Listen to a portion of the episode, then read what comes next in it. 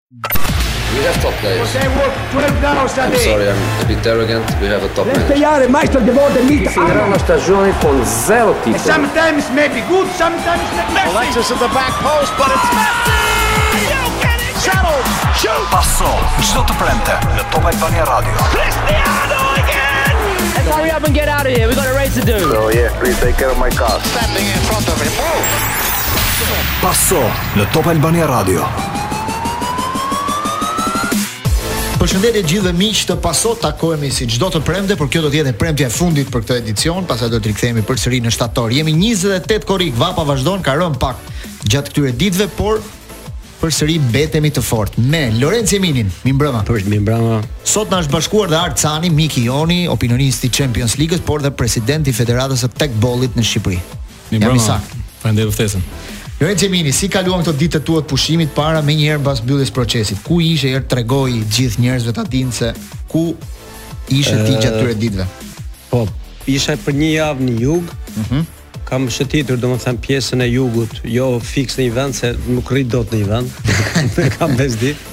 Ti je njeri i motorit, kështu që mund të ndalesh po, në çdo plus që unë edhe vajzat i kam të rritura, domethënë ikëm dhe me makinë dhe me motor, edhe uh -huh. kisha kollaj lëvizja me motor me bashkëshorten, kurse vajzat lëvizin se janë të rritura dhe lëvizin vetë me makinë. Ë uh, u çlodha për dy gjëra që të pëlqyen ose tre gjëra që të pëlqyen nga jugu dhe tre gjëra që të pëlqyen. Uh, për të gjithë ata që po bëhen gati të ikin me pushime, siç jam unë dhe Arçan. Shiko, unë jam optimist për për jugun tonë dhe më pëlqen, më shumë më pëlqen se sa nuk më pëlqen gjëra, po uh mhm. -huh. E vetmja gjë që Kur thashë nuk më pëlqen gjëra që mund jo, të korrigjohen, që mund të korrigjohen, shiko, që mund të korrigjohen është vetëm pjesa e, e pushimit që duhet të të ndalojnë punimet. A mos ketë punime? Po nuk mundesh të shkosh të pushosh edhe. Sikur ka qenë një rregull që po ja ti tani tani ti shkon në jug dhe dhe shikon betoniera më shumë se sa në Tiranë. Po me zjarret nuk, nuk kishe probleme ti nga jugu. Jo nuk, nuk kishte rrezik. Jo, unë isha kthyer, jo, ah, nuk dhe kurse pjesa pastaj e shërbimit që ka qenë problematike është përmirësuar. Ka përmirësim, ëh. Pjesa e ka një problematikë për çmimet që çmimet sa vijnë dhe rriten, po Edhe aty ke mundësi zgjedhje sepse po ju them vetëm një diçka që në qoftë se do të shkosh në Radhimë që është plazh i mirë apo në në Palasë që është ujë, mund të shkosh edhe në Nartë, uh -huh. që është po deti jonë dhe ishin çadrat me shezlongët 5000 lekë të vjetra. 5000 lekë, 600 lekë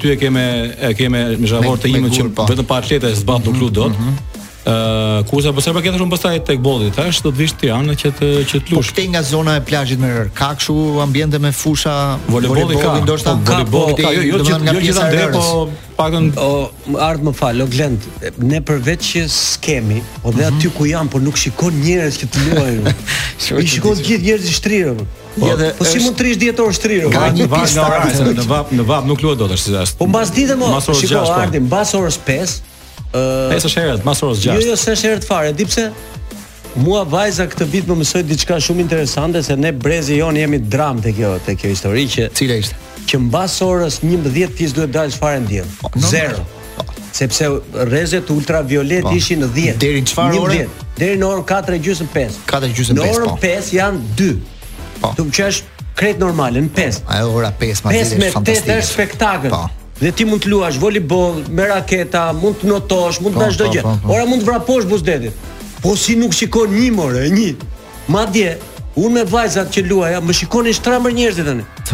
Sa më thoshin goca dorë. Çfarë bën Qa bëjmë ne këtu më thënë se... Ka një pjesëtar të Procesit që është Zim Sinemati që vetëm në Qeparo, vetëm ai bën sport. fillon në mëngjes me vrapimin e mëngjesit, pastaj vazhdon me kanoan. Ta vazhdoj deri në orën se ka bërë pesë telefonata se i kishin kishte porositur një varkë të re.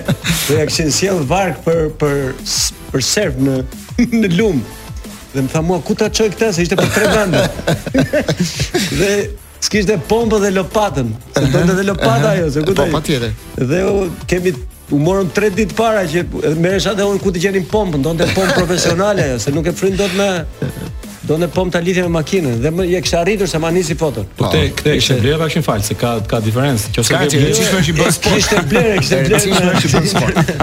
Sot në Paso do flasim për ndeshjet europiane të klubeve tona, për Do flasim gjithashtu për projektin e ri të Dinamos, është një projekt që doli befas dhe duket shumë ambicioz, pak për formulën e, e re të kampionatit do të diskutojmë pak me Ardhin, sepse gjithmonë ka mendime dhe të ndryshme edhe kundër formulës edhe pro formulës.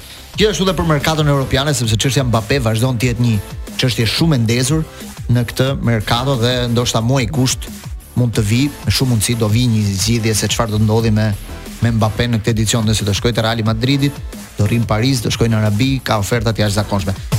Jemi rikthyer përsëri në Paso dhe do doja të diskutonim pak për ndeshjen e Partizanit të martën, fitorja 1-0 në në Andorra me një kundërshtar për të thënë të vërtetën të dobët dhe në vështirësi, sepse përveç se është i dobët, ne e dinim praktikisht që Partizani ishte favorit, ata patën dhe një problem përpara një eksod masiv, eksod masiv domethënë ikja e trajnerit, po ashtu disa lojtarë ndryshuan. Tetë lojtarë, Stadiumi ishte modest, shumë modest domethënë, për të thënë të vërtetën dhe ndeshja, po duket sikur Partizani nuk na bindi, nuk na kënaqi siç ndodhi me Bate Borisov që bëri ndeshje të mirë, por nuk u kualifikua.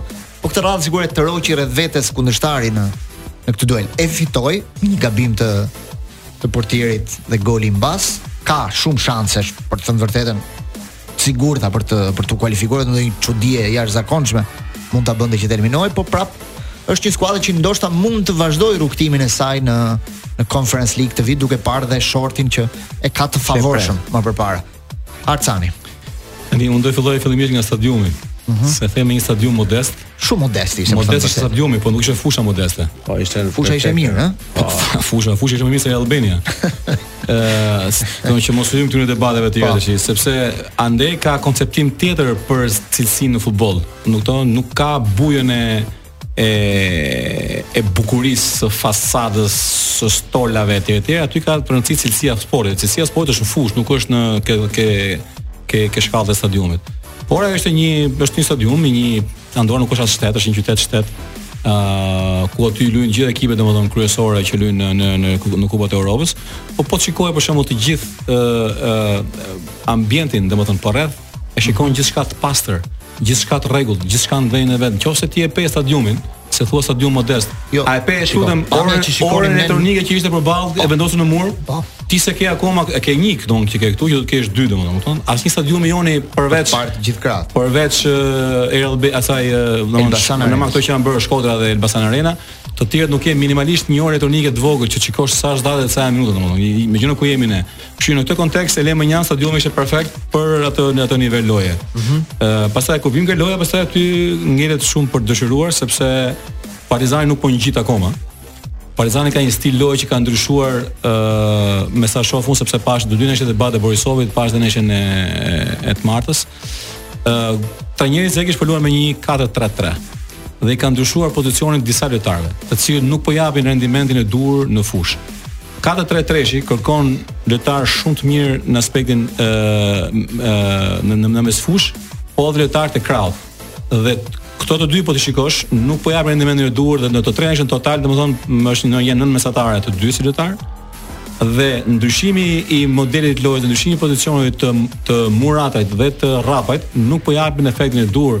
Ti vërtet the që ekipi kundërshtar ishte modest dhe me me shumë largime, por thell thell po ta hyje ata nuk kishin shumë forcë në sulm sepse nuk doshin të rrezikoshin, por dilnin shumë më mirë nga mbrojtja në mesfushë dhe pastaj ato tre pasime në sulm se sa Partizani. Ajo që më befasoi mua është pse ndryshon skuadra nga ndeshja me Baten që luan ndeshje të mirë, dhe kundër një kundërshtari të dobët bën një ndeshje të dobët, domethënë sikur i përshtatet kundërshtarit po, që luan. Është edhe psikologjike, që është ekipi i dobët, ne jemi favoritë, se ne jemi edhe ballkanas, ne jemi pra, shqiptarë. Domethënë ne pamë çfarë rastesh në pjesën e dytë po, që pra, ishin tani Glen fatale për të për të mos e dyfishuar apo trefishuar rezultatin.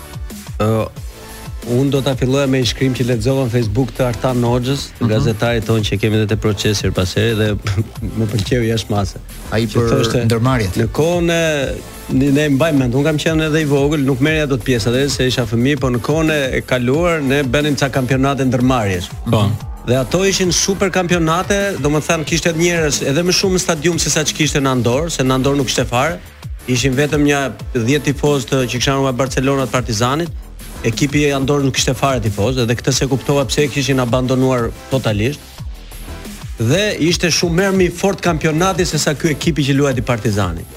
Thënë këtë, domethënë mendoj që ok, se ishte edhe çik metaforike, se tani ai ekip po luan në turin e dytë të Conference League, që edhe është kam, ekipi kampioni i Andorës, mendo se ça ça ekipi është.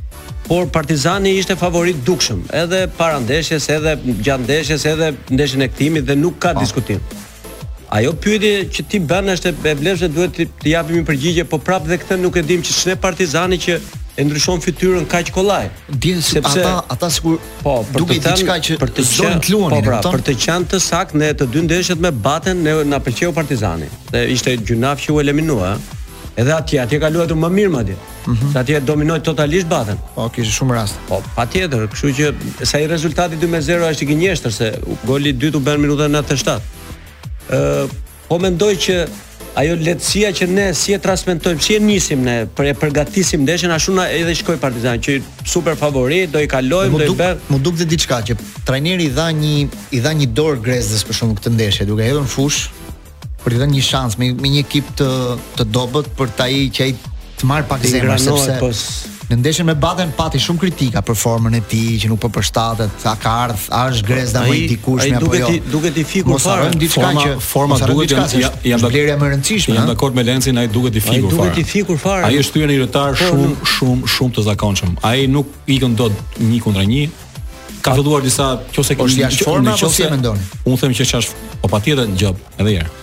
Por derisa tani me gjithë respektin për Kategorinë Superiore, a kupton, një lojtar si Grezda që ka bredhur domethënë gjithandej, të përfundojë te Partizani diçka ka. Pra ai nuk është nuk është mirë fizikisht.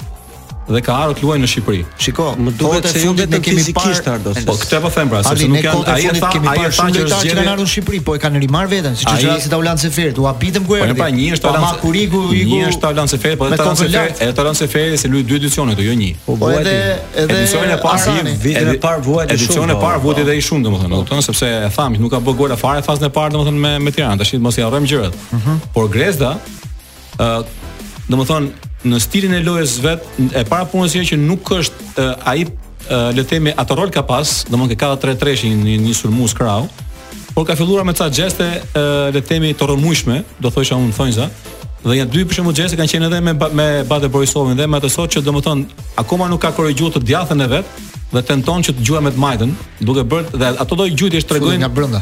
Ato lloj gjujtje, po pra. sepse luan në krahun e djathtë sepse po. është i djathtë dhe mundohet që të hyrë edhe gjun me të majtën, e kupton? Mm -hmm. Ai akoma s'ka të djathtën të provuar dhe përdor të majtën dhe ka dalë shumë keq me ato gjujtje. Dhe aty ti shikon dhe formën e dobët që është ai domethënë nga ana edhe edhe teknike, po edhe fizike. Kështu që nuk është se do kohë të adaptohet, do të shikojmë. O Ardo, e di se s'është që më duket vetëm fizike se ai u bë një muaj që po stërvitet. Domethënë një lojtar që vjen nga nga aktiviteti, bën një fazë një mujore, Ani ai duhet ta merrte veten. Ai duhet të kur them që vitet e fundit, vitet e fundit nuk është se ka luajtur shumë, ëh, dëmtime të gjata ka patur, më shumë ka qenë në në faqet e shtypit. Dhe kjo dhe, dhe kjo dhe kjo duket kjo duket kjo, kjo duket shumë mirë në fushë Glend. Duket jashtë mase mirë në fushë. Domethënë, sepse nuk ka ritëm Nuk ka ritëm. Domethënë rri e pret gjithmonë topin, nuk është se kërkon një dyshim për shembull kur me me kërku pasimet e e e, e murin që i themi ne. Dhe ai ë uh, për mendimin tim ë uh, nuk e meriton njëmbëdhjetëshen e Partizanit sot për momentin po po. në gjykimin tim. Mhm. Mm Sado që do të përpiqen domethënë sepse është ishte lojtar i vet, ishte një domethënë që ka pas edhe po. andej etj etj. Domethënë emri domethënë bëni çik, po mos po, harrojmë që mund ta rifitojmë. Mos harrojmë që ka ardhur, ka ardhur pak kondësh. Mos harrojmë se ka ardhur Çani atëherë te Partizanin, Edgar Çani po. Edgar Çani dhe praktikisht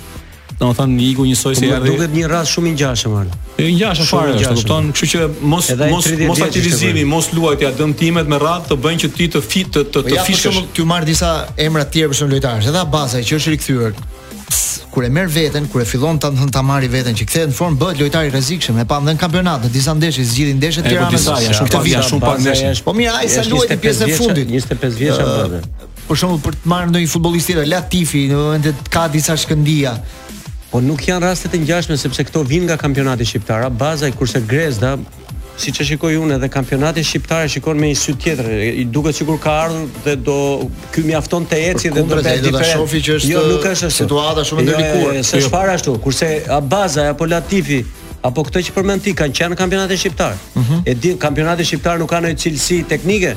Po është i fortë fizikisht që qoftë se nuk je e din si kampionat thua. Po, patjetër e njohin, kurse pa. Po. Grezda është komplet në i di vështirësitë. Në një terren tjetër dhe ajo që po e shikon duket që Grezda mendon se dhe duke ecur do bëj diferencë, jo nuk e bën dot. Po s'vrapove sot futboll. Jo, kur nuk e bëri, kur nuk e bëri diferencën dje, Po, që me me me me atë, me atë ekip dhe u pa u pa shumë qartë që kishte vështirësi, domethënë.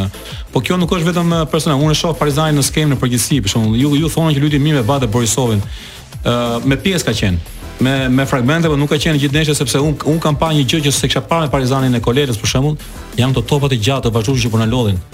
topa të gjatë në drejtim të mbas në ndeshjen do në ndeshjen e fundit ishin tjerë sa ka. Po patjetër, për topin e dytë dhe gabime të ardhur. Kishte dëshirën që ta ta ndërtonte lojën. Mirë që topa të gjatë, po edhe topa të gjatë të pasakt, duke filluar nga Hadroi, duke filluar nga duke vazhduar me Atanasov, atë Atanasoskin, domethënë ka një mbiemër të ngatërrum, ë djali dhe nganjëherë përdor edhe Murataj. Murataj e shoh komplet jashtë rolit dhe pozicionit të vet, Dje bëri një budallallëk të paparë me atë karton që merr një të verdhë me tërheqje pas dore që është një element që e para e punës jo kapiten, po një lojtar i atij niveli s'do ta bëj kurrë. Megjithatë, Partizani ka shanset më shumë se të tjerët. Ai është me të vërtetë apo ne flasim, ne flasim me fat i Partizanit me ato lojtarë, me ato ekipe po. Shkojmë pak në publicitet dhe rikthehemi pastaj flasim edhe për projektin e Dinamos. Rikthehemi në këtë pjesë të parë të pasos, po diskutonim pak për Partizanin dhe Glen, ndeshjen e parë, sepse Lorenz Tal. Po e marr aty ku e po. le që the Partizani ka mundësinë dhe ka fatin, po patjetër e ka, por e kemi diskutuar edhe gjatë javëve këtu edhe te procesi që mhm.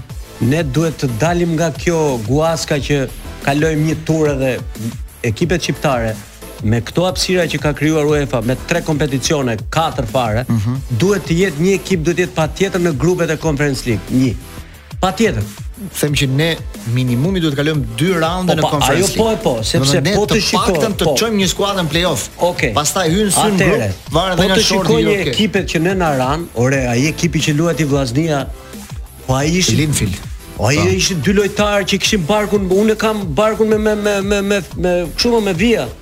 Ata e kishin urrejtjen te bluza këtu.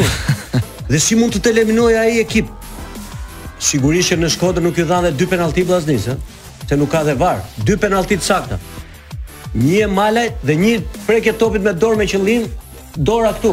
S'e dha fare. Një e Malajt që e tërhoqi po, nga mbrapa. Po, është dy penalti. Dy penalti të sakta. Nga treta ashtu dy. Unë personalisht i bëra një mesazh Mehllit, ngushëllim se e kam edhe, kemi po, pasur po, edhe në ekip kur luanim futboll i thashë t'i janë mohuar dy penalti. të të pastra. Të aty s'ka var. Po të shikojmë ekipin që eliminoi Egnatia. Ekip krejt normal Egnatia duhet ta kishte eliminuar. Ekipi Tirana po, e kishte ekipin më të fortë se këto dhe e kaloi. Që të vim edhe pak aty te pjesa e Ardit, se mos ta kaloj që themi stadiumin e që po mburremi ne me stadiumin. Ore, pas stadiumit e, e Dinamos, Dinamo Batumi. Në një në një qytet Batumi, a e patur? Është qytet, nuk është vetëm një jo, qytet. Jo, më fal, fal, po gjë po për po për Gjeorgjinë po flasim. Po pra, po për Gjeorgjinë, pra është një qytet që një stadium 200 220 milionë euro i kategorisë 4 plus me yje të UEFA-s dhe ne mburremi themi Air Albania namin e këtu. Po më më shumë mirë. Po pra, po po pritse po flasim për Gjeorgjinë. A e po, pe stadiumin? Çka ka gjithë? Pse çka ke me Gjeorgjinë? Gjeorgjia më një vend pra, i vogël. Gjeorgjia s'është s'është ora e klubi, ai Gjermani s'është fan, nuk është bërë. Para dy vjetësh shiti po pra super lojtar, që nga lojtarët më të mirë, Serie A. Kjo është një nga më më të kërkuarit në Europë sot. Kjo e Tiranës që o që, që ishin ata favorit, kjo ne duhet të na jap kur ajo themi ore ekipet tona se prap gaboi i, i nderuari joni Ylli Aga, tha do kalojnë të katërta ekipet. Dëgjova. Ai e ka nga dëshira. Po dëshira e madhe, po nga këto kaloi vetëm një. Ja themi Yllit këtu që ta dëgjoj. Një vetëm. Do ja Ylli që nga në në, në parashikime dram. Se vetë gjeti vetëm Ballkani që do eliminohet. nga nga, nga, nga ajo që kemi parë tani nga nga Kupat e Evropës, nga skuadra, duket sikur Tirana ka diçka më më mirë se në krahasim me me skuadrat e tjera, më shumë më mirë se Partizani, po prap Tu do rrotullohemi te Tirana Partizani do jemi. Po patjetër. Skuadrat e po, tjera duken pak më larg. Këto bën blerje kush ka bërë. Egnatia edhe Vllaznia që po përpiqet po prap nuk besoj që do jetë mund të rivalizojë sa për tyre në të, te Tirana do t'ia vë gjithë meritat te Orges Shehi, sepse mm, e ka treguar domethënë veten me Tiranën dhe unë besoj që klubi e firmosi prap dhe fakti që kanë një gjatësi domethënë me me atë, kjo e bën Tiranën që të ketë më shumë ashtu sepse ai ka fituar tashmë autoritet, futbollin tonë patjetër që e njeh shumë mirë se ka luajtur vetë për shumë vite u bë trajner, duket që është trajner i zgjuar, trajner inteligjent që ndryshon edhe skemat gjatë lojës, di shumë mirë të zgjedhë lojtarët që hudh në në fushë dhe këtë e pamë nëse mos gaboj edhe ndeshjen e fundit kampionatit që ishin gjithë lojtarët e dënuar ë nëse më mend mos me me me Ballshin dhe prapë domethënë bëri paraqitje shumë të mirë ndonëse lojtarët e tjerë që ishin në Tirana ka luksin që të zgjedhë lojtar ë dhe ke përzgjedhjen që bën, trajneri ka dorën e vet, sidomos edhe ke pastaj ke pjesa taktike që bën. Kështu Tirana gjithmonë do jetë aty. Tirana Po ka marrë edhe lojtar ekspert Ardi, po ti. Po ne po them pra, po ne po them zgjedhje lojtarëve. Doka Hoxhallari, po, po. Latifi. Ja rikthyer prapë. Janë lojtarë që për kampionatin tonë janë. Nuk është se ka bërë merkato të keqe. Për të jo. vërtetën, se dhe blerja e Taipit në një po pozicion po shumë kyç të rëndësishëm. Nuk janë lidhur me Partizanin. Unë them që dhe Grezda do ta marrë veten, do kthehet një lojtar i rëndësishëm i Partizanit aty, në, në krah. Aty në qoftë se në qoftë se klubi vendos rregullin dhe sepse tashi bëhet fjalë cili do luaj nga ata dy, do luajë Taipi apo do luajë Rrapaj, sepse mm -hmm. Rrapaj nuk luan dot në krah, Rrapaj luan në qendër. Taipi gjithashtu luan në qendër. Kështu që në mënyrë si do organizohet Partizani, ai një lojtar si Gjelbrim Taipi, apo Gjelbrim Taipi. Gjer,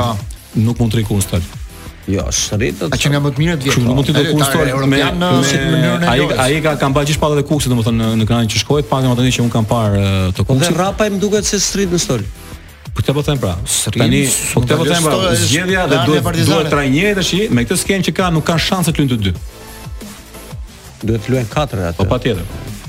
Ose të luajë 4-2-3-1. 4 me 4. Jo, jo, mund të luajë 4-2-3-1, e kupton? Dhe ose 4-4-2. Por me këtë skemë që ka tani Gjelbrim Taipi dhe Rrapaj nuk luajnë dot në pozicion. Edhe një gjë që doja të pyesja Ardin para se të shkojmë në publicitet, fakti që Partizani luan në në këtë periudhë domethënë vazhdon ecurinë e vet. I bën mirë për kampionatin që ka filluar kaq shpejt stërvitjen? Domethënë jemi një muaj gati para fillimit, ndoshta edhe më pak 3 javë para fillimit të kampionatit. Uh, Ky starti që në fillim të korrikut i bën mirë Partizanit? Gjithçka gjithçka akomodohet dhe rregullohet, por në në gjykimin tim nuk është se ndihmon e ndihmon shumë ndërprerja. ë Ç'do ndodhte për shembull nëse Partizani nuk do kualifikohesh prapë për një tur po, tjetër, e kupton? Po. Ajo komplet e dëmton. Po duhet të rrinë një muaj pushim. E dëmton. Siç është rasti i Vllaznisë, tani është pushim, pastaj do fillojë një fazë tjetër. Domethënë, ciklet, këto miniciklet të të, të stërvitjes, uh mhm. -huh. kur kur llogariten llogariten në bazë të vazhdimësisë. Ato dhe kanë një kalendar dhe bëhen këto gjëra. Pastaj pushimi dhe rifillimi nuk është gjithmonë është, domethënë, ti thua që vazhdimi kështu nuk nuk do ndikojë për keq.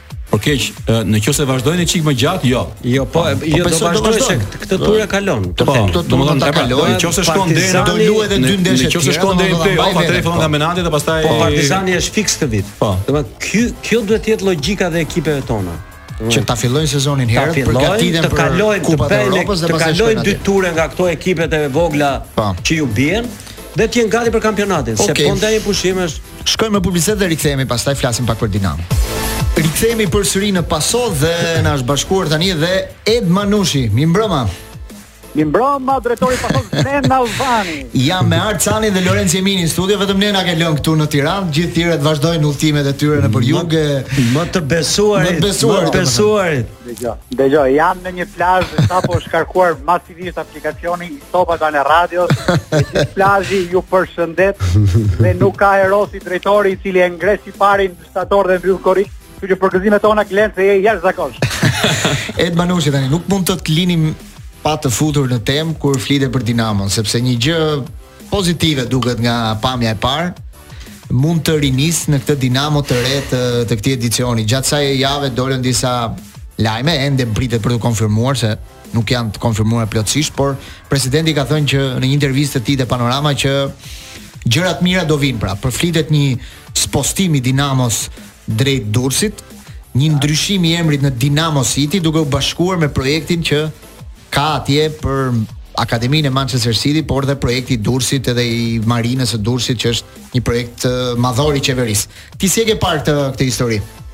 Jam entuziast në dy këndvështrime. e para.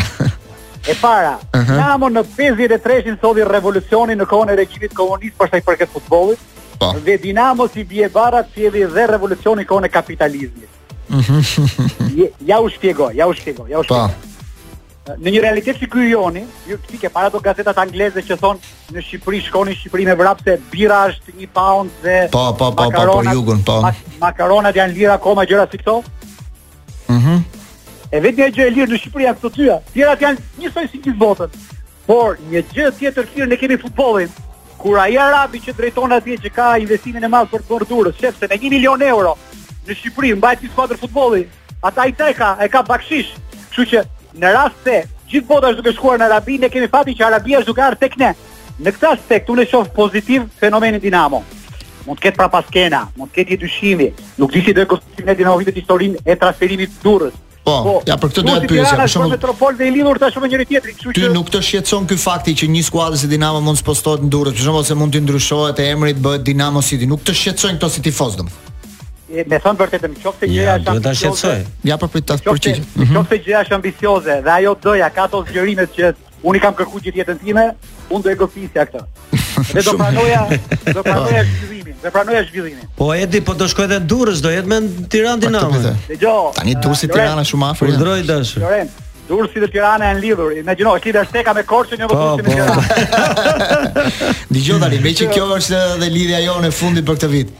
Do falënderosh dikë, ndonjë sponsor, ndonjë të besuar që kemi patur gjatë gjithë këtij viti?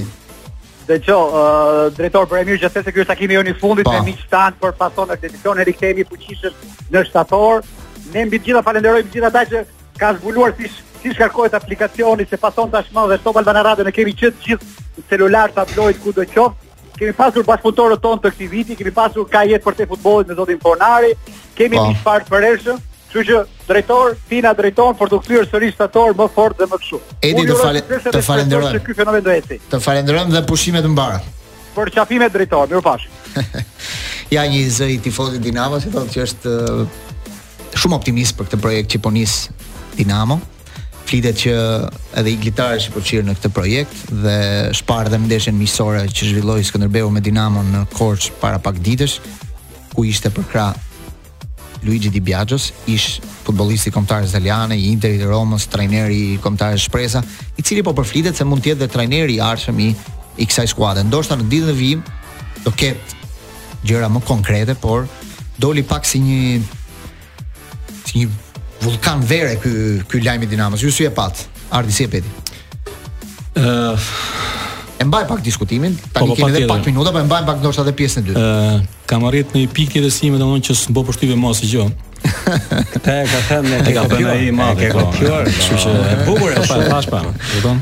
Kështu që këto lloj këto lloj kështu bumesh nuk më bëjnë përshtypje fare, edhe po të them do t'i rendis arsyet me radhë. Po. E para punës që të bëhet fakti kryer që Dinamo të vendoset në Durrës, do kalojnë ca vite.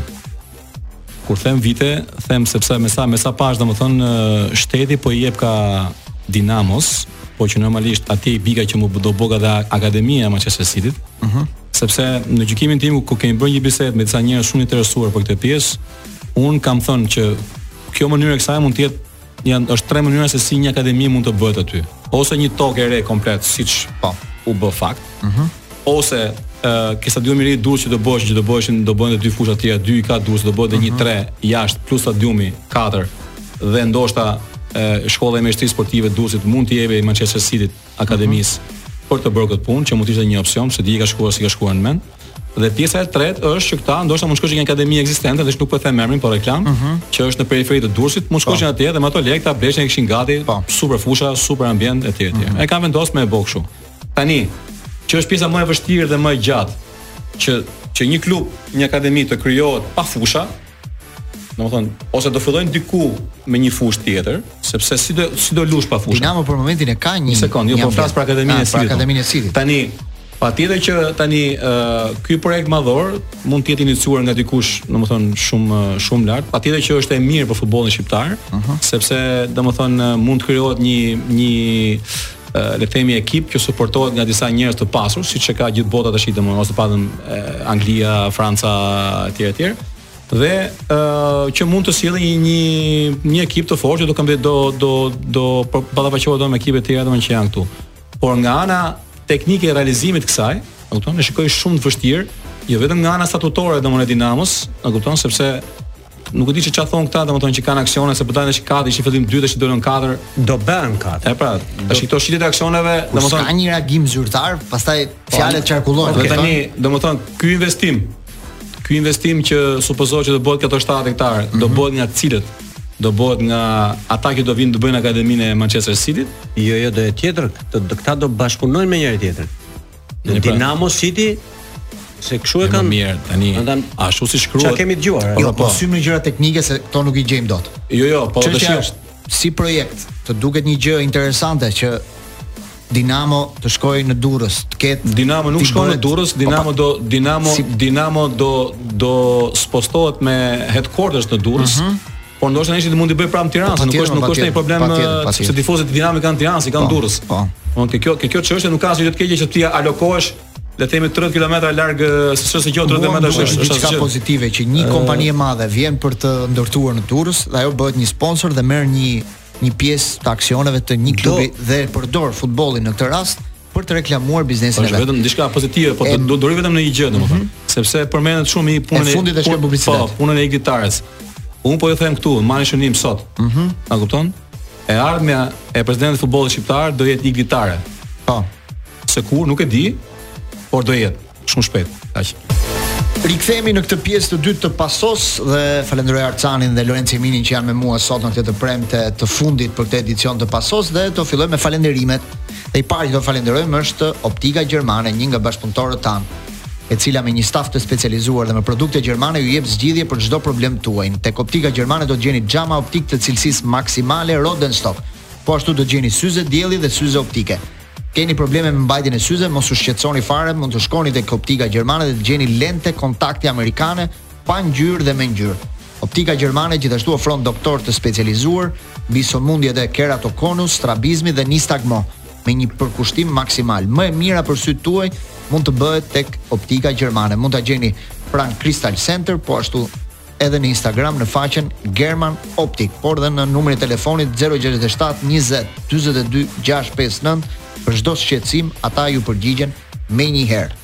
Falenderojmë optikën gjermane që ishte një bashkëpunëtor i joni gjatë këtij edicioni.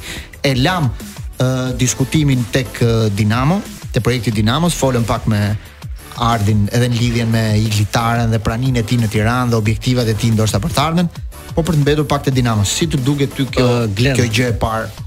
Mua që erdhi në këtë verë. Me aq sa kam lexuar dhe dëgjuar, më duket diçka pozitive uh mhm. -huh. për disa arsye. Po. E para e punës unë dua që në futbollin shqiptar të futen njerëz seriozë. Ëh. Uh -huh. të futen biznesmenë që kanë biznese të fuqishme dhe jo njerëz që nuk e dimë fare se nga i kanë të ardhurat edhe ça deklarojnë edhe mbajnë një ekip futbolli sepse ky është problemi më i madh që shikoj. Mm -hmm. Kur dëgjoj që aty te Dinamo do futet është presidenti aktual, do futet kompani si Mektrin apo Pelikani apo është dhe një tjetër që janë janë biznesmenë të konfirmuar në tregun shqiptar ndër vite.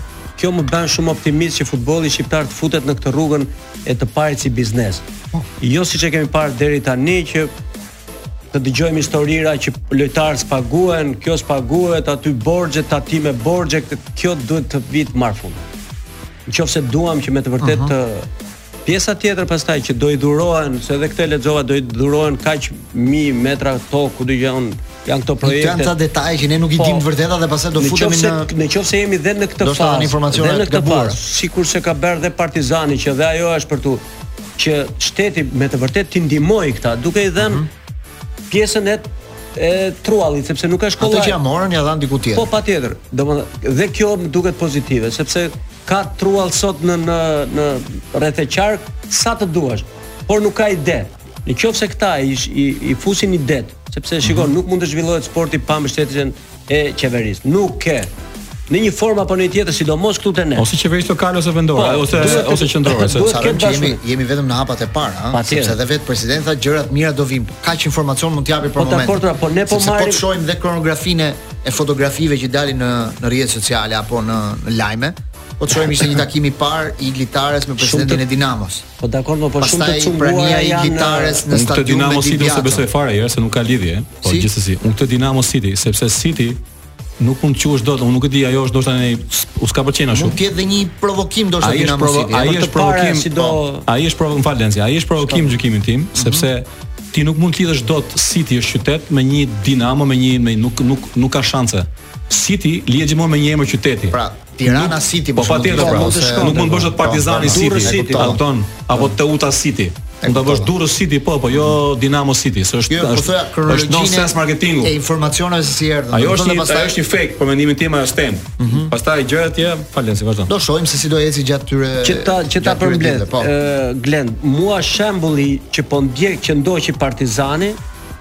Që ndodhi, mm -hmm. që s'e kanë vajtur e kanë parë, mua më intrigon për për ecurinë e futbollit. Do të them president, po, që futen, që kanë një projekt, që kanë mbështetje edhe financiare që të ecë futbolli, të krijojnë akademi dhe këto. Këto pastaj ato e çto të ardhi dhe mua më duket pa lidhje, po nëse ajo është për t'u parë, nuk e di se si e kanë menduar këtë Dinamo City se duket edhe pak kështu kur e dëgjon si si si çudi shqiptare, po Ne ne jemi mësuar me këtë, në kërse na të vonuar për përgatitjen për sezonin mund të jenë, se siç ndodhin gjërat nganjëherë vonë Dinamo sot në këto momente që ne flasim është një skuadër që s'ka bërë as pothuajse asnjë përforcim. Tani Glen, ë vjen nga kategoria e dytë. Se të ta shumë skuadra të tjera po prapë janë në këto ujëra. Ne kemi Laçin që s'është se po bën goditje. Po pse kush ka kemi Skënderbeun që nuk është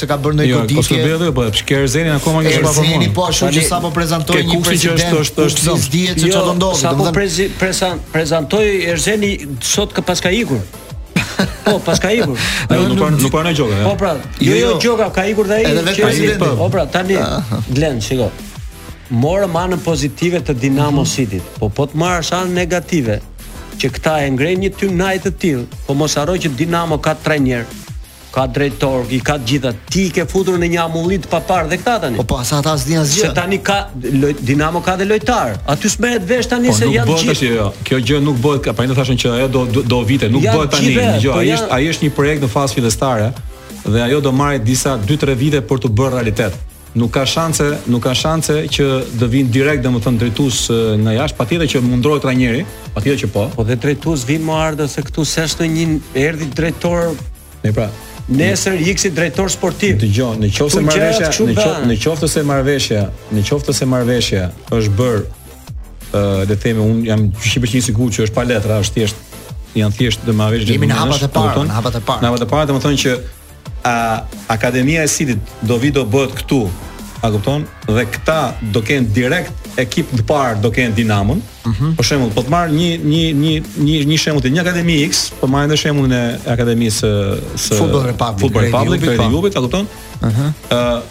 Me ato lloj mundësish financiare që ka Football Republic, nuk mundeshte dot të mbante një ekip të të vogël për ta filluar nga kategoria 3, pastaj kategoria 2 po, dhe më parë siç kanë po, skema po, këto shpikësit e futbollit në Shqipëri. Po. Atëherë çfarë bëjnë këta? Këta vinë bëjnë akademinë, po ama marrin dhe Dinamon. Po që ta kenë direkt, që ta kenë direkt në në, në superior. Nuk shumë basin ko. Që ka sens, e kupton? Ka sens në këtë logjikë. Rikthehemi në Paso në këtë pjesë të dytë dhe falenderojmë dhe Iute Credit. Imagjino një lojtar rezervë gjithmonë gati sa herë të jetë e nevojshme për ty. Tashmë nëse shkarkon aplikacionin MyIute mund të aplikosh falas për limitin e shpenzimit dhe ta përdorësh vetëm nëse të duhet për çdo gjë që të duhet, tamam si një lojtar rezervë gjithmonë në xhepin tënd. Momenti për të falënderuar dhe Iute Credit një nga partnerët tanë të këtij edicioni. Do të ndalesha pak me ju edhe në diskutimin e formulës së kampionatit. Këtë vit Federata e Futbollit vendosi që të ndryshojë skemën e kampionatit duke mos prekur pjesën e katër fazave, pra 36 ndeshjeve, po duke vendosur që kampionati të mos përfundojë pas 36 javëve, por të vazhdojë me një Final Four, me një mini kampionat të vogël, i ngjashëm si me një grup të Champions League me një fazë ku të gjitha skuadrat të luajnë në Air Albania dhe kampionati të vendoset nga ajo nga nga ato katër skuadra që do të luajnë ndeshjet mes tyre. Juve si ju duk se jeni gati kështu për sulmuar. jo, jo, jo, fare. Si ju duk juve kjo ky vendim, po ose kjo skemë re si ju duket? si e keni parë, keni analizuar ndoshta me veten tuaj? Arca. Ja, Ardi se ti je mik, unë jam i shtëpisë. Tash unë nuk do të filloja se si më duket skema, por unë do të filloj ë Çdo ndryshim vjen nga një ë uh, kërkesë. Domethënë, nga erdhi kërkesa ose domethënë po e them anglisht se shqip ndoshta ose shqip është shpjegim, po e them anglisht rationale, domethënë nga vjen shpjegimi sepse cilat janë fjalë pro dhe kundër, pse duhet ndryshuar skema dhe pse pikërisht u zgjodh kjo skemë. Me sa pam e, para e punës që duhet bëj dallim, duhet bëj pak ndarjen këtu domethënë sepse Ë, para 2-3 vjetësh patëm këtë luftën e fortë qeveri-ligë, qeveria si e plek për ligën, liga etj etj. Liga tashmë inekzistente dhe vjen federata dhe ndryshon skemën e kanalin, ndërkohë që do ishte liga, ajo që ndryshon skemën e kanalin dhe jo federata. Po tani e dim se ku jetojmë, e dim liga duhet të bënte të bënte të paktën i dim këto histori. Atëherë u bë një siç siç ndodh rëndom domethënë në këto në këto në këto nivele bëhet një një mbledhje sa për të thënë e këtyre presidentëve ku i propozohen këto ndërkohë që vendimi për këto këto zgjidhje është marrë më përpara nga ata që drejtojnë futbollin sot. Që në këtë kontekst nuk kam asnjë pikë dyshimi sepse e di shumë mirë si funksionon sistemi. Kjo është kjo është e para. Po, për të parë për të parë edhe replikë. Po, nga po jo patjetër, nga, nga erdhi skema, po. kush e kërkoi skemën dhe çfarë të mirë do sjellë kjo skemë. Pastaj po, flasim është e mirë ose e keqe. Okej, po nuk shoh ndonjë problem se nga erdhi propozimi për të ndryshuar skemën.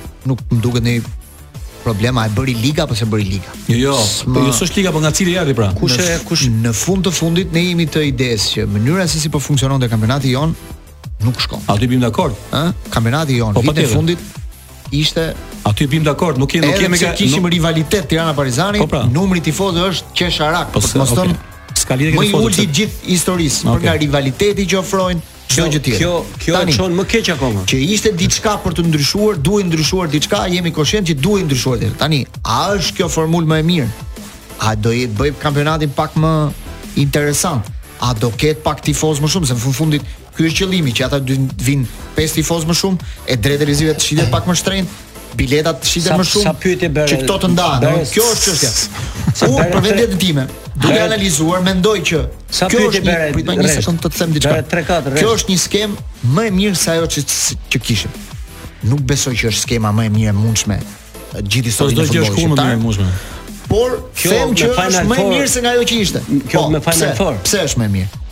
E para, në 36 javë, të gjithë ekipet, 10 ekipet do luftojnë për t'u hyrë te katërshja kryesore, ëh, se ajo është qëllimi. Po, po. Pra, zgjerohet gama e objektivit. Në nuk është vetëm një objektiv, por ke katër ekipe që do luftojnë.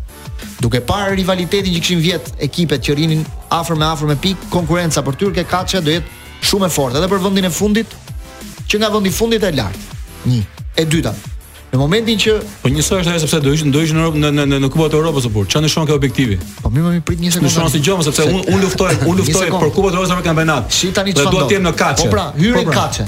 Hyre, e sigurove katërshen. Tani po çfarë pra. do? Katër ekipet më të mira që do që do dalin në fund kampionatit kanë mundësinë që brenda një muaji të bëjnë të japin një muaj maj kampionatit shumë rivalizues, sepse do luajnë me njëri tjetrin.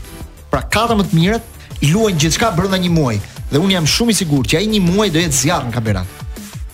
Po si në aspektin e ndjekjes në stadium. Tani m'i rendit pak pyetjet se më në aspektin e po m'i m'i rendit pak se më në reklamave gjithë shumë. Ta vazhdoj Lenci se. Tani ti mendon që kjo do sjellë tifozë më shumë.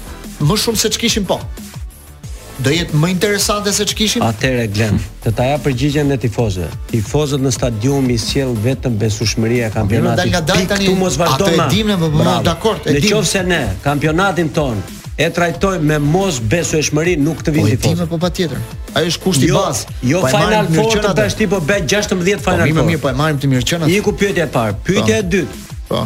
Do, do ketë të ardhura më shumë. Kjo, po, kjo pa diskutim. Mendoj që mund të ketë pak të ardhura më shumë. Sepse ato katër ndeshje sa do jenë, po. ato do vinë tifozë, se s'kanë ku shkojnë. Mendoj që do ketë diçka. Po dhe këto të ardhura, Pastaj si do ndahen nuk e di, a? Ah, bravo, se këtu më erdhën. Nëse ato do të ndahen 50-50 me me me po, me ustallarët, klubet jumin. Me stadiumin. Besoj se klubet e kanë marrë një ide, një projekt se si do të siguroj që nuk dinë asgjë fare.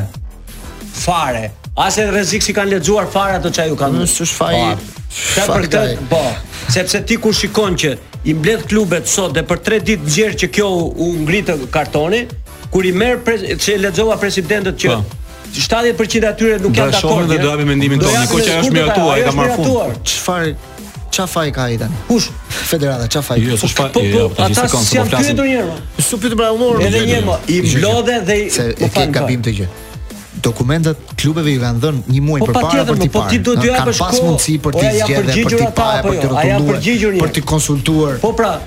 Po patjetër meqë janë përgjigjur, pse ti kujton se s'kan vënë firmën ata që të ndryshojnë. Po firmën ata e vënë para se të diskutohet. Po s'ka rëndësi më ti. Po mirë tani ata ata do luajnë kampionat. Unë nuk do i hyj fare kanë dhënë apo s'kanë dhënë komente dhe mm. janë apo s'janë dakord, sepse gjithmonë e kanë e kanë ngrit dorën ça i është ça i është thënë. Po. Kjo iku tani më rë po. film. Tani po flasim për skemë. Po.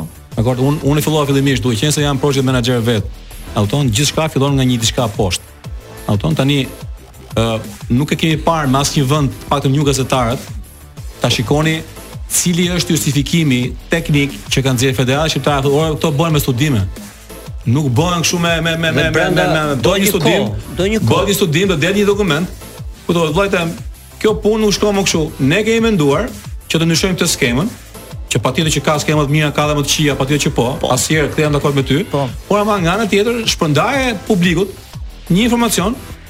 Se si e shpjegon ti si federatë që kjo është më e mirë se kjo?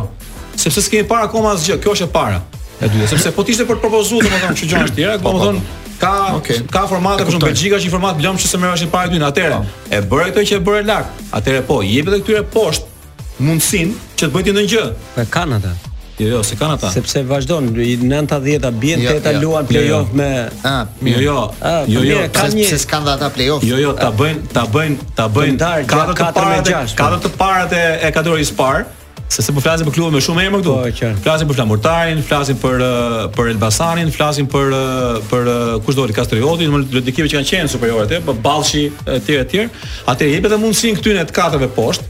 që të bëjë të njëjtën gjë. A kupton? Që të dalin dhe pastaj të merren të merren me të tretën me të tretën oh. poshtë, por uh, këtu gjithçka bëhet për fasadë. Ardhur pra, një fjalë ti. Ti mendon që katër katër do bëhen katër ndeshje flak këtu në në në jo, Albania. Dhe do jetë në kaçë, do jetë po ia fus kot që do dalë Erzeni në vend katër, do jetë Partizani Erzeni dhe do mbushet stadiumi plot do marr jo, në në këtu. Besoj po, ashtu. Tani vetëm një fjalë. Unë besoj do mbushet. Glen vetëm një fjalë. E fundit dhe shkojmë në bisedat. Kjo skema me 10 ekipe, kjo ka ja 15 12 deri në 13 vjet duke se ka. Dhe çdo vit po ta shikosh diskutohet ndryshimi i skemës. Ka mbas vitit të 5 gjithmonë diskutohet. Si ka mundësi që 8 vjet 8 vjet diskutohet gjithmonë sa mbaron nga me të ndryshohet skema, të shtohet numri.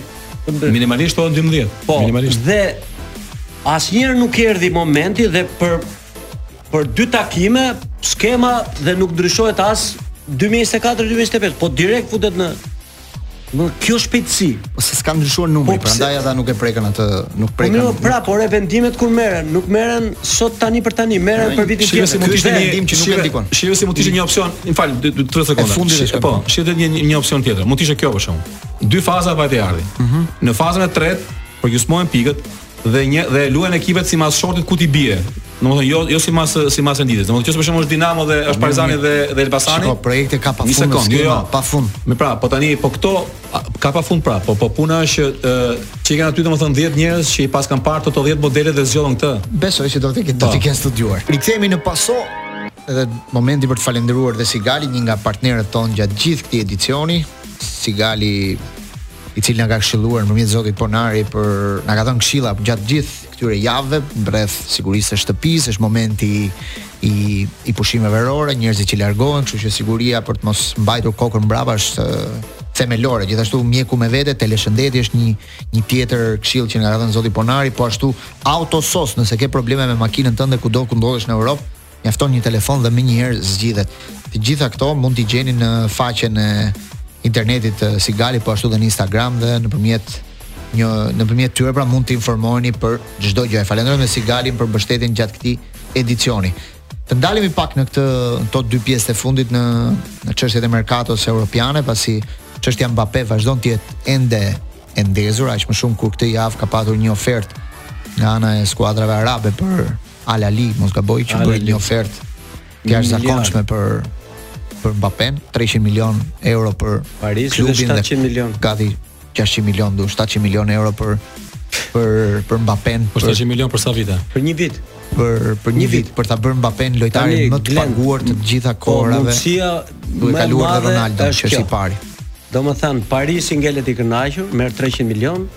Mbappe merr shtatëqind milionë dhe vitin tjetër shkon te Reali me me zero parametra. Ti mendon që do e pranojë ai këtë ofertë? Unë mendoj që po.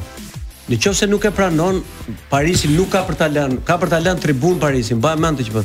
Shiko, aty unë po them që unë po them që telenovela, telenovela mbaron në gusht dhe Mbappeja transferohet që këtë vit në Real Madrid.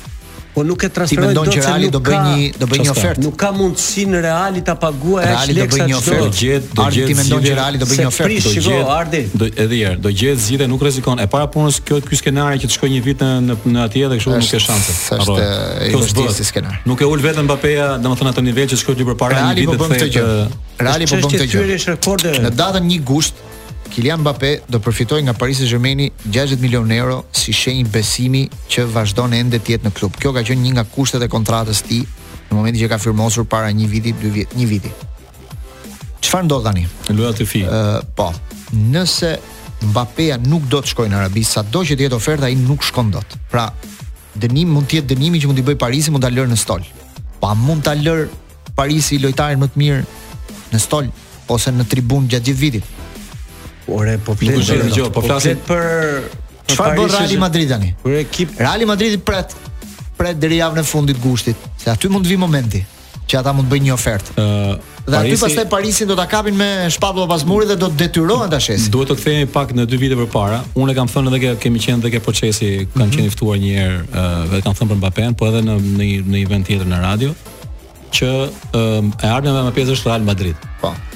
Ë uh, arsyeja e vetme është sepse Reali është mbreti i Europës dhe ai do të luajë ke ekipi që është mbreti i Europës, te, po. Galaktikët. Po. Parisin e pa, Parisi s'ka fituar kurrë Champions League-n, le të marrë jo tra një po të marrë, po të marrë, po s'ka për ta marrë kurrë Champions League-n. Mm -hmm. Ta garantoj s'ka për ta marrë kurrë, këtu do jemi. E ka marrë Porto Champions League-n. Po, po lëre Porton e Mourinho se nuk ka lidhje më, tash flasim, po flasim me me me me këmbë në tokë, me, me realitet. Nuk ka për ta marrë kurrë Parisi Champions League-n dhe uh, ai do një tjetër, një tjetër edhe edhe si kampionat. Ai do një tjetër uh, angazhim. Kështu që un ka qenë që para dy vjetësh, po ka qenë ndërhyrja e Emmanuel Macron e presidentit Francës që e ka bërë atë ndryshë mendim. Po pra po sot kishte ndërhyrë kryetarja e bashkisë. Po nuk ka çfarë ndërhyn më sepse një herë ndodh ajo, si një herë, një herë ndodh ajo. Një herë ndodh. Kur lojtari nuk do të rrijë, nuk ka zot që e mban. Nuk ke shanse. Dhe këto janë kopja, këto janë bllafe gazetash dhe gazetarë që do ta lejnë stol e të tjera Do gjejë zgjidhje dhe ai do largohet në do e lugëm do në Madrid i blerë. Ardi problemi te Reali qëndron që nuk mund t'i thyejë dot rregullat e pagës së Mbappes sepse prish gjithë skemën e se ka nuk ka kështu probleme Reali Madrid. Jo, Reali Madrid është okay.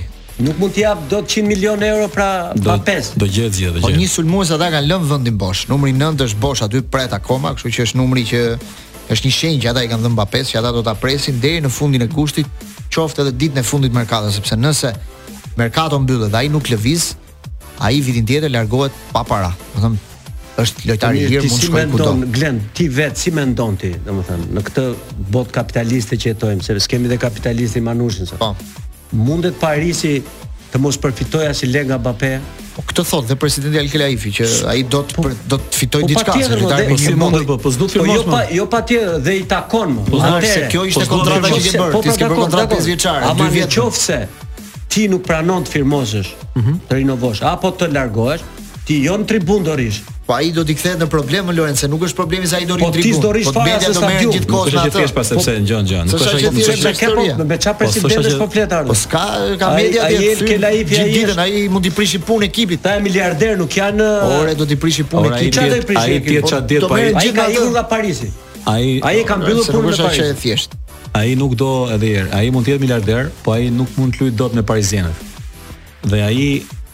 Po është në drejtë e vet këtu. Cili? Ky presidenti i Parisit. Se ky s'është në drejtë e vet, s'do të firmosë dha me me me. Po mirë, s'do të firmosë, rri stol. Si shikë në stol më? Po jo. Ku do shkojë? Si shikë punë? Jo, mos si shikë punë kështu. Unë të kam dhënë, ti ke fituar miliona prej meje, or Orlenci. Se i shihni gjonat shumë hollë. Ai vërtet ka marrë pagën. Por Parisi është aty ku është sot prej Mbappes. Domethënë ka, ka një diçka në këtë mes. Shiko se më, më rastisi po e bëj një analogji që nuk është nuk ka lidhje fare domun me këtë, po një analogji me një me një lojtar që, që kemi domun këtu që bëjnë e mbajta unë thot dikush me me lek gjithë vitin. Se ç'u, kshu i bëhet, kam dhon rrogun ty. Po, po. Po, po. po. Po unë nga ana sportive kam bo 100 gola. Po dakor, po tash ja dish të vënë ti mua, unë ta kam ashtu, me po, përveç golave, dakor, edhe marketingu dhe bluza të tjera. Kontrata, po, dy vjet ai do të ta respektojë. Kontrata pse do ishte lirë?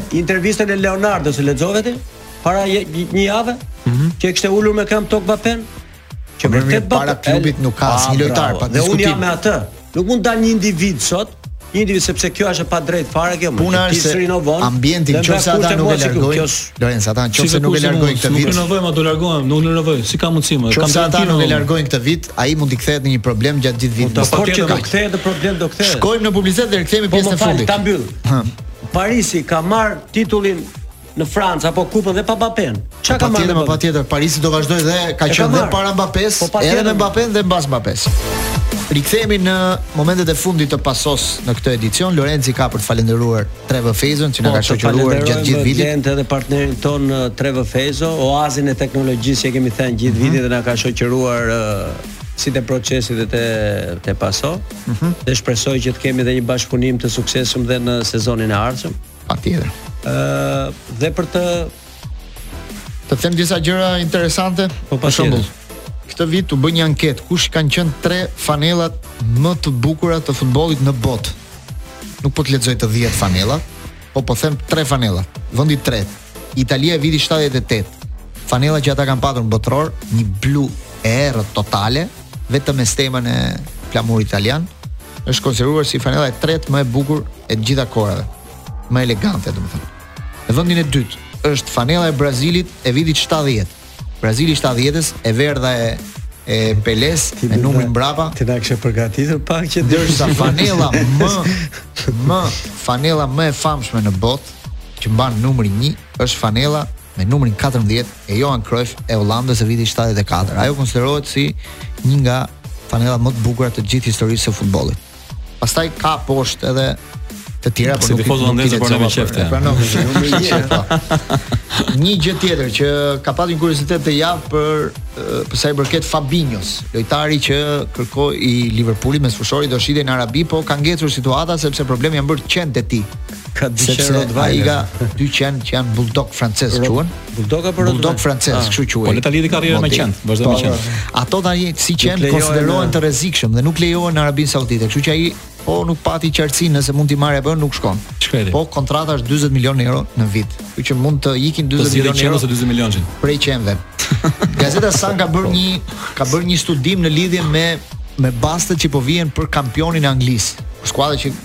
tifozët vënë bastet. Këtë vit del filani dhe filan. Dhe ë në në listë në studim i skuadra që është më e kuotuar është Arsenali mm -hmm. këtë vit. Dhe nga blerjet që ka bërë, tifozët mendojnë që Arsenali mund të dalë kampion. Shumica e tifozëve pra kanë vënë bast për Arsenalin. Manchester City është vetëm në vendin e dytë në këtë po United ku është United? United është në vendin e katërt. Është Chelsea vendi i tretë dhe United vendi i katërt. Për sa i përket basteve që vënë tifozët këtë vit. Fto Final Four i mirë. Unë ndyshoja, po. unë ndyshoja United me Arsenalin, edhe isha në rregull. Tani, për t'ju thënë dhe rubrikën tonë 3 minuta histori që kemi pasë çdo javë, këtë javë do t'ju bëj një kuriozitet shumë interesant që e lexova gjatë kësaj gjatë këtyre ditëve. Kur është shpikur Silenzio Stampa ose heshtja e shtypit. Keni dëgjuar ndonjëherë? Kur është shpikur apo S'u ka rënë. Jo, jo, kur jo, po si Kur ne kemi dëgjuar. Kur është shpikur, kur është vendosur që të quhet kështu. Kur është bërë për herë të parë, domethënë, ndoshta jo në mënyrë të programuar, po kështu vendosën. Ka qenë botërori i vitit 82 kur kombëtarja e Italisë shoqërohej nga shumë gazetarë. Në atë kohë lojtarët kishin shumë marrëdhënie me me gazetarët dhe flisnin shumë për ta. Dhe u bë problem sepse mbas tre ndeshjeve të para që Italia barazoi dhe luajti shumë keq, gazetarët i mbytën në media, por jo vetëm i mbytën, po shpiknin një, një skandal çdo ditë. Derisa arritën në një në një situatë që thanë që dy lojtarë flejnë me njëri tjetrin në dhomë si të jenë burrë dhe grua.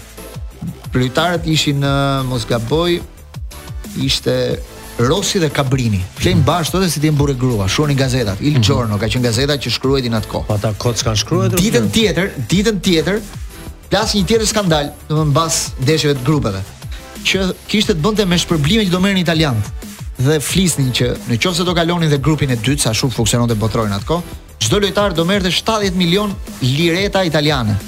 Në qoftë se do shkonin deri në gjysmëfinale 95 milion lireta dhe në qoftë se do fitonin botërorin 180 milion lireta për kokë. Kjo çështje u bë aq e madhe sa u diskutua edhe në parlament, sepse Italia ishte në një periudhë të vështirë krizë ekonomike në atë kohë, dhe lojtarët merrnin kaq shumë. Dhe çfarë vendosën lojtarët? Në momentin që dolën këto lajme dhe u bë ngjarja kaq e madhe, ata vendosën heshtje shtypi. Dino Zoff doli përpara mediave në një nga konferencat e fundit dhe i tha: Kemi vendosur mos kemi më kontakte me ju. Kjo vjen si rrjedhojë e asaj që ju keni thënë për ne. Këtu e mbylli fjalën Dino Zoff dhe deri në fundin e Botërorit, Italia nuk foli më. Kjo ky vendim u mor mbas ndeshjeve të para në grupe, pas tre barazime, pastaj Italia mundi Argjentinën, mundi Brazilin, mundi Poloninë në gjysmëfinale, fitoi edhe finalen me Gjermaninë. Gjatë gjithë asaj periudhe nuk folën më dhe kështu lindi heshtja për shtyp. Në fund kur ka mbaruar Botërori, Tardelli i ka thënë lojtarëve që heshtja për shtyp na sjell fat, kështu që do ta bëjmë çdo edicion. Pak a shumë nuk është se e bën çdo edicion. Jo, ajo ajo është sidomos në kompeticione të rëndësishme, domethënë është shumë e rëndësishme se e dëgjojmë dhe në klubet tona që është nga nga nga ato nga ato gjëra, a, a ka mundësi mos kesh njoftime fare nga se çfarë ndodh, do mund të jesh vetëm fokusuar aty, por që Nëse s'është Italia tani është e vështirë në këtë kohë Ardi se ke informacione. Kemi ardhur në fund. Unë falenderoj Artanin që ishte me ne sot. Pushime të mbara dhe një gusht të mbarë dhe shumë sa më shumë evente me teqbollin. Lorenc Eminin që vazhdon aktivitetet e veta sportive, do vazhdosh edhe pak pushime këto ditë. Po gjatë gushtit, gjatë gushtit, po gjatë gushtit po jam. Ne do rikthehemi përsëri në 4 shtator me Procesi Sportiv në kulmin e ndeshjeve të kombëtares, po ashtu dhe menjëherë të premten e radhës me pason në muajin shtator. Kaloni pushime të mbara dhe ridëgjohemi përsëri në shtator.